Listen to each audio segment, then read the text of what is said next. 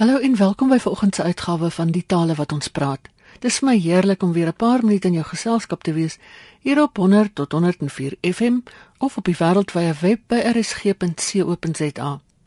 My gas vanoggend is die taalkundige professor Ernst Kutse wat pas van dese week uit Japan teruggekeer het.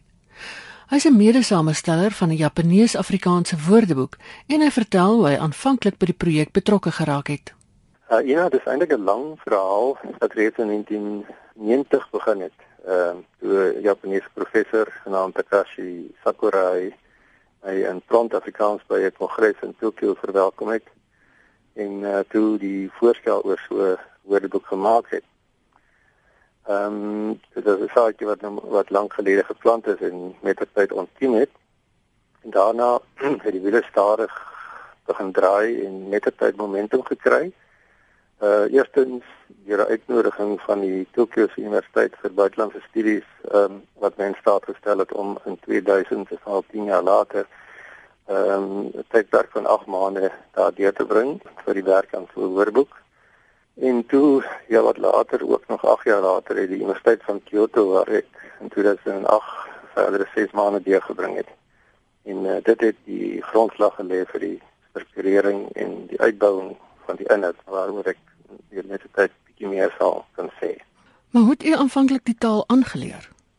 Ek uh, ek het aanvanklik eers daaroor gelees en algaande meer agtergrondkennis opgedoen. Dit was vir my op daai stadium net maar 'n vreemde uh dit uh ja konsep van te dink aan 'n ander weet net al so Japanees.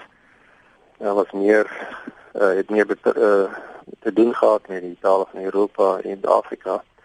Ehm um, voordat die geleentheid om nou voorgedoen het om 'n inleidende kursus saam met buitelanders by die Universiteit van Kyoto te volg wat in 'n baie meer gestruktureerd was en jy weet jy baie meer ook oefening gekry in uh hierdie gebruik daarvan in uh praktiese situasies. Maar mens sou kon sê dat my um, kennis van die taal meer inhoudelik van aard is as uh, interaktief omdat mense um, deur die werk aan 'n woordeboek soveel reseptiewe kennis opnoem wat jy het van 'n verstaan kennis, maar dit nie altyd in die konteks van 'n gesprek toepas nie. Ehm um, veral nie as jou Japaneese kollega vlotter Engels praat nie en dit nie werklik uh, nodig is om jou in Japanees uit te druk nie. Ehm um, in sommige kontekste waar dit wel nodig is, soos ehm um, praktiese situasies in Japan, ontwikkel jy die vaardigheid natuurlik makliker soos met enige taal die geval is as 'n mens dit moet gebruik om oor die weg te kom. En jy dan uh, skop die die die kennis of word die kennis geaktiveer wat jy nou reeds soort van latent jy weet uh, opgedoen het deur gewoon ehm um, die die die woordeskat verwerwing. Daarby kom natuurlik nog ook die verskil tussen hoorkennis waar deur die verband met klanke en en die woorde vasgelê word aan een kant wanneer jy gereeld daarna luister en leeskennis aan die ander kant. Wat behels dat 'n mens die verskillende skryfstelsels van Japanees uh, afsonderlik leer baas raak hieroor. Miskien kan ek net iets sê oor die Japaneese skrifstelsel. Ja. Of skrifstelsels van as ek meer as een. Ek dink 'n mens kan lees kan leeskennis van Japanees waarskynlik verdeel in vier stappe wat elkeen 'n ander vorm is waar jy dieselfde inhoud weergegee kan word. Uh eerstens die sogenaamde Romaji of geromaniseerde alfabet, weet in die Romeinse alfabet wat as 'n soort uh brug en 'n toegangsroete kan dien vir leerders wat die beste vertroud is met die taal, met taal wat in die Romeinse alfabet geskryf is, so in taal Afrikaans of Engels of wat ook al. Ehm um, hoewel dit nou moontlik is om alle tekste in Japanees in hierdie vorm te skryf, word dit eintlik maar net vir die voordeel van buitelanders in Japan gebruik.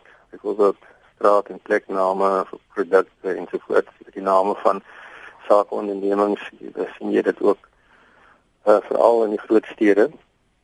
Ehm um, en so dit is dit is eintlik 'n hulp word as hulpmiddel ingespan, jy weet uh, om uh die klanke van Japanees en die name toeganklik te maak vir mense wat nie met die ander skryfstelsels van Japanees vertroud is nie.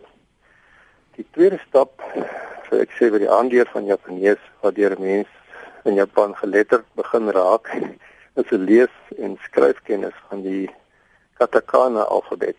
Wat is met 'n so 'n stuk of 46 skryftekens het of eintlik nie 'n alfabet maar 'n syllabarium noem ons dit, want elke skryfteken verteenwoordig 'n silabe uh, of 'n lettergreep, jy weet 'n woord soos in 'n Yokohama sal uit vier sulke uh, simbole bestaan. En hierdeur word hierdie Katakana alfabet uh, word byvoorbeeld alle leenwoorde uit ander tale tegniese terme in Japanees geskryf. Ehm um, soms ook uh in die manga byvoorbeeld wat mense lees die strokies prente uit, uit Japanees word uh, hierdie spreektaalvorm altyd in katakana geskryf. Dit is net maklik om dit te leer beheer want dit is um, baie konsekwent. Uh, en die derde vorm is dan die hiragana syllabarium wat dieselfde is eintlik as die katakana, maar dit is eh, 'n uh, kursiewe vorm van die van die katakana wat eintlik 'n hoekige ehm um, skryfvorm het. En dit hierdie die hiragana uh, syllabarium verteenwoordig uh, die dieselfde klanke, dit is gee word dieselfde dieselfde klanke word uit weergegee. En dit word meestal gebruik vir inheemse Japaneese woorde, uitgang van grammatikale uitgang van van naamwoorde, werkwoorde ensovoorts. En ook om die uitspraak van sulke woorde vir Japanners duidelik te maak.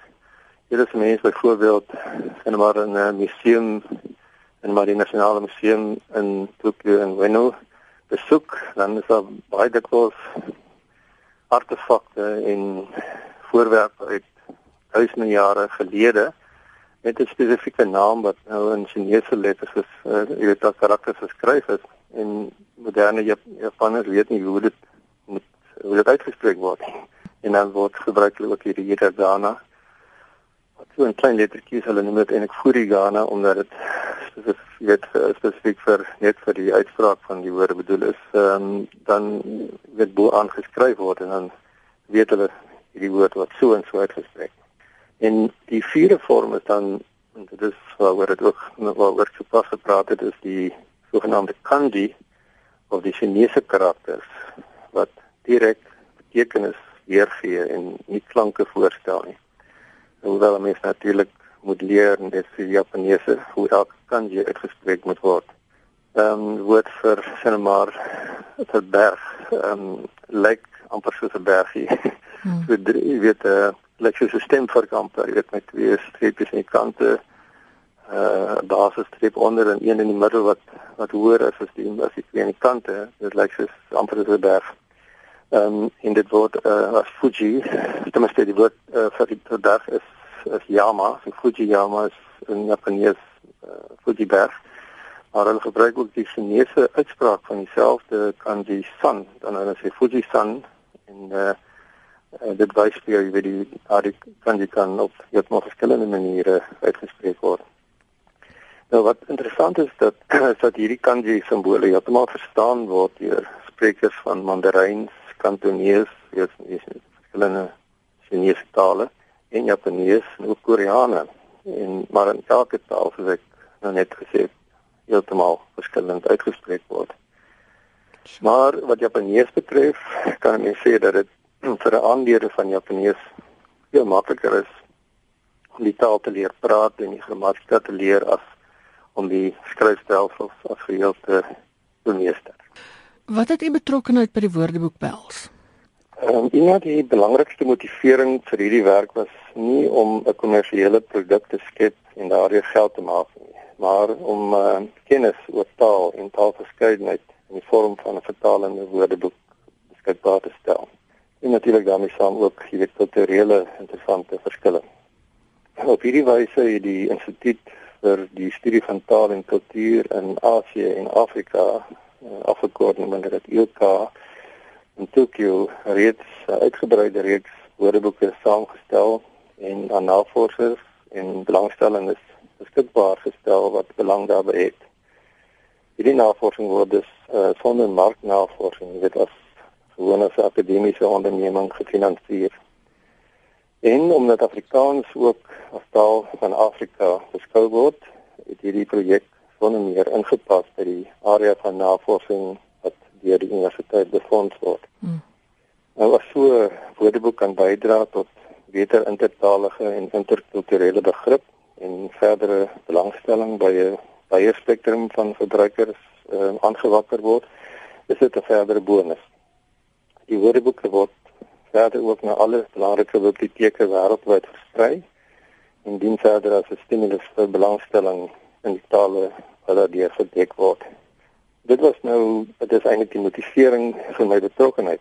Hoewel met die tyd 'n studie wat ons doen het eh, tydens 'n besoek aan professor Sakra uh, hier in Suid-Afrika ook getoon het dat daar wel latente belangstelling is by meer en meer Suid-Afrikaners wat ja, wat graag Japanees wil praat of Japaneese wat na Suid-Afrika kom om verskeidenheid redes. Ehm um, nadat ons reeds in 2000 'n prototipe van Afrikaans-Japaneese woordeboek gepubliseer het en dit het slegs uit Romaatjie bestaan en het eintlik 'n baie beperkte woordeskat gehad.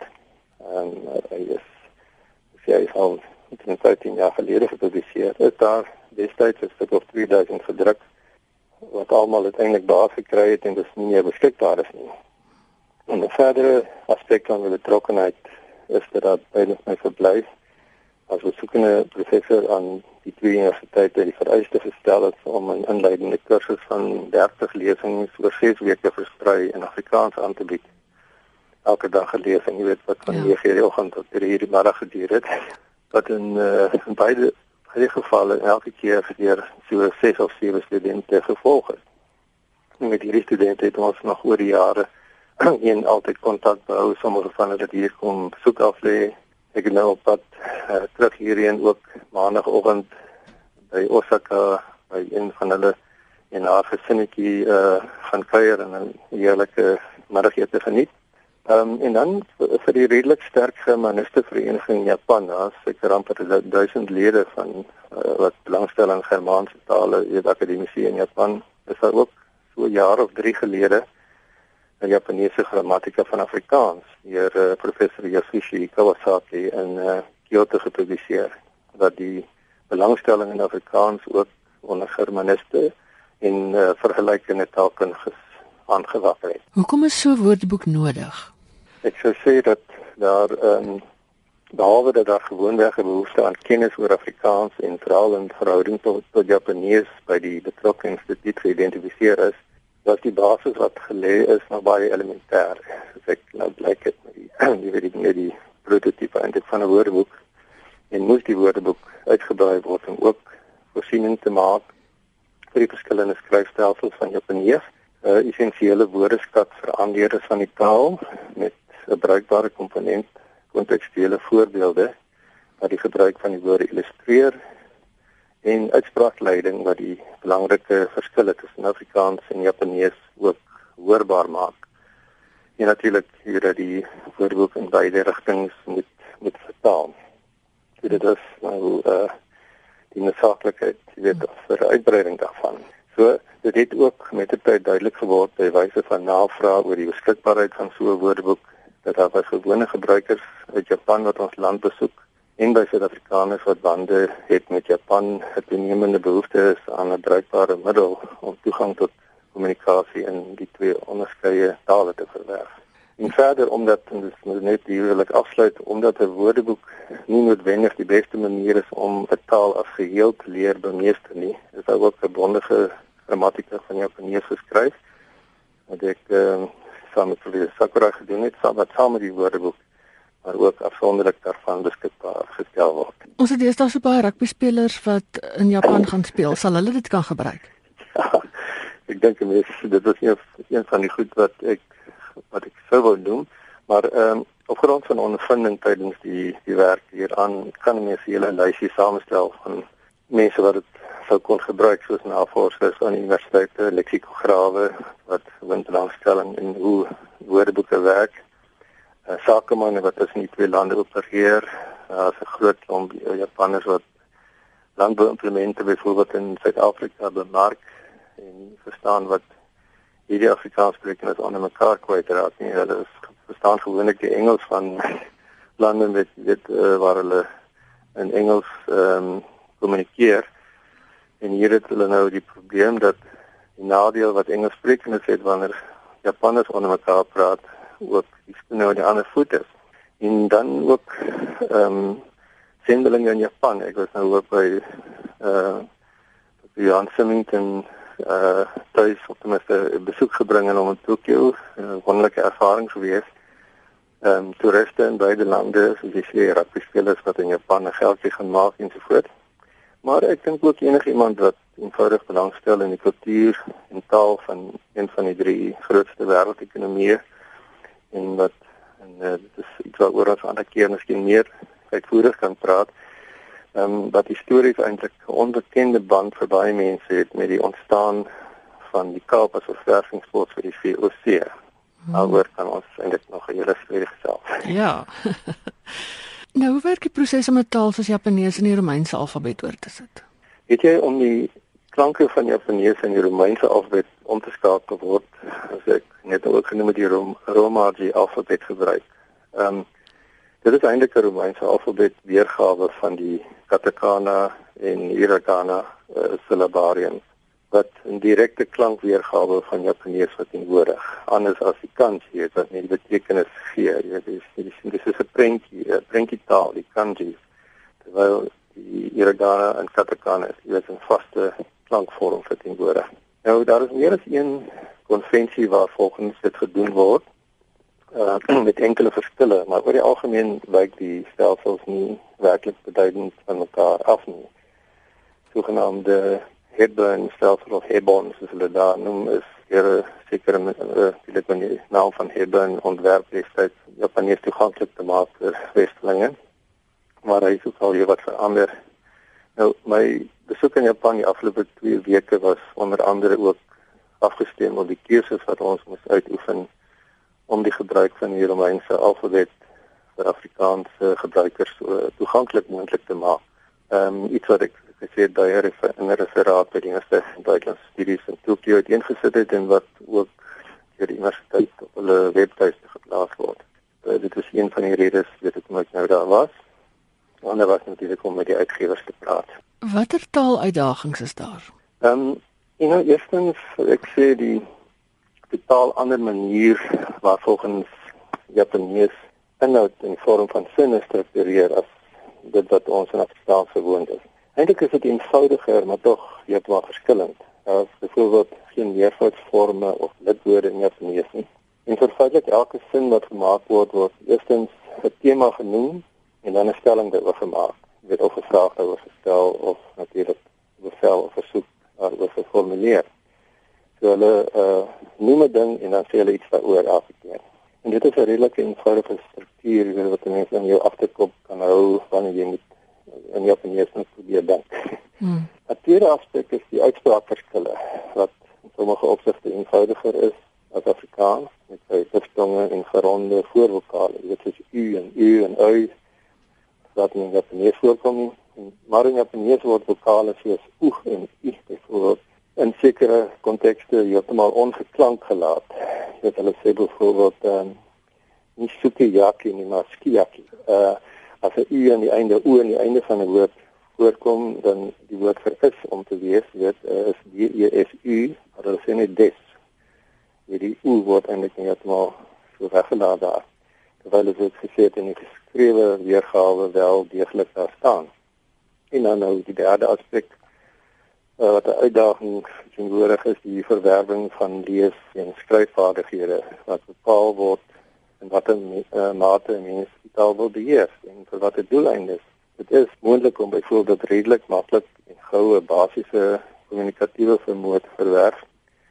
Maar om die taal in sy verskillende styl en geskrewe kontekste onder die knie te kry, kan heel wat langer duur. U het vroeër gesê die woordeboek gaan nou nie kommersieel beskikbaar wees nie, maar hoe ver is dit van publikasie af en hoe gaan hy beskikbaar gestel word?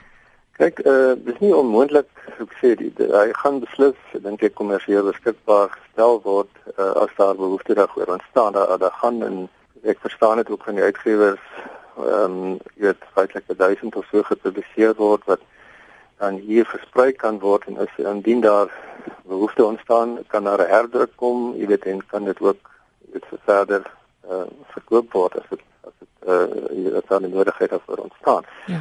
So dit is nie dat dit nie kommersieel beskikbaar sal wees nie. Dit is dit gaan eers net onkommersieel word gepubliseer word uh sonder dat daar 'n uh, inkomste vir die universiteit vereis word daarvoor.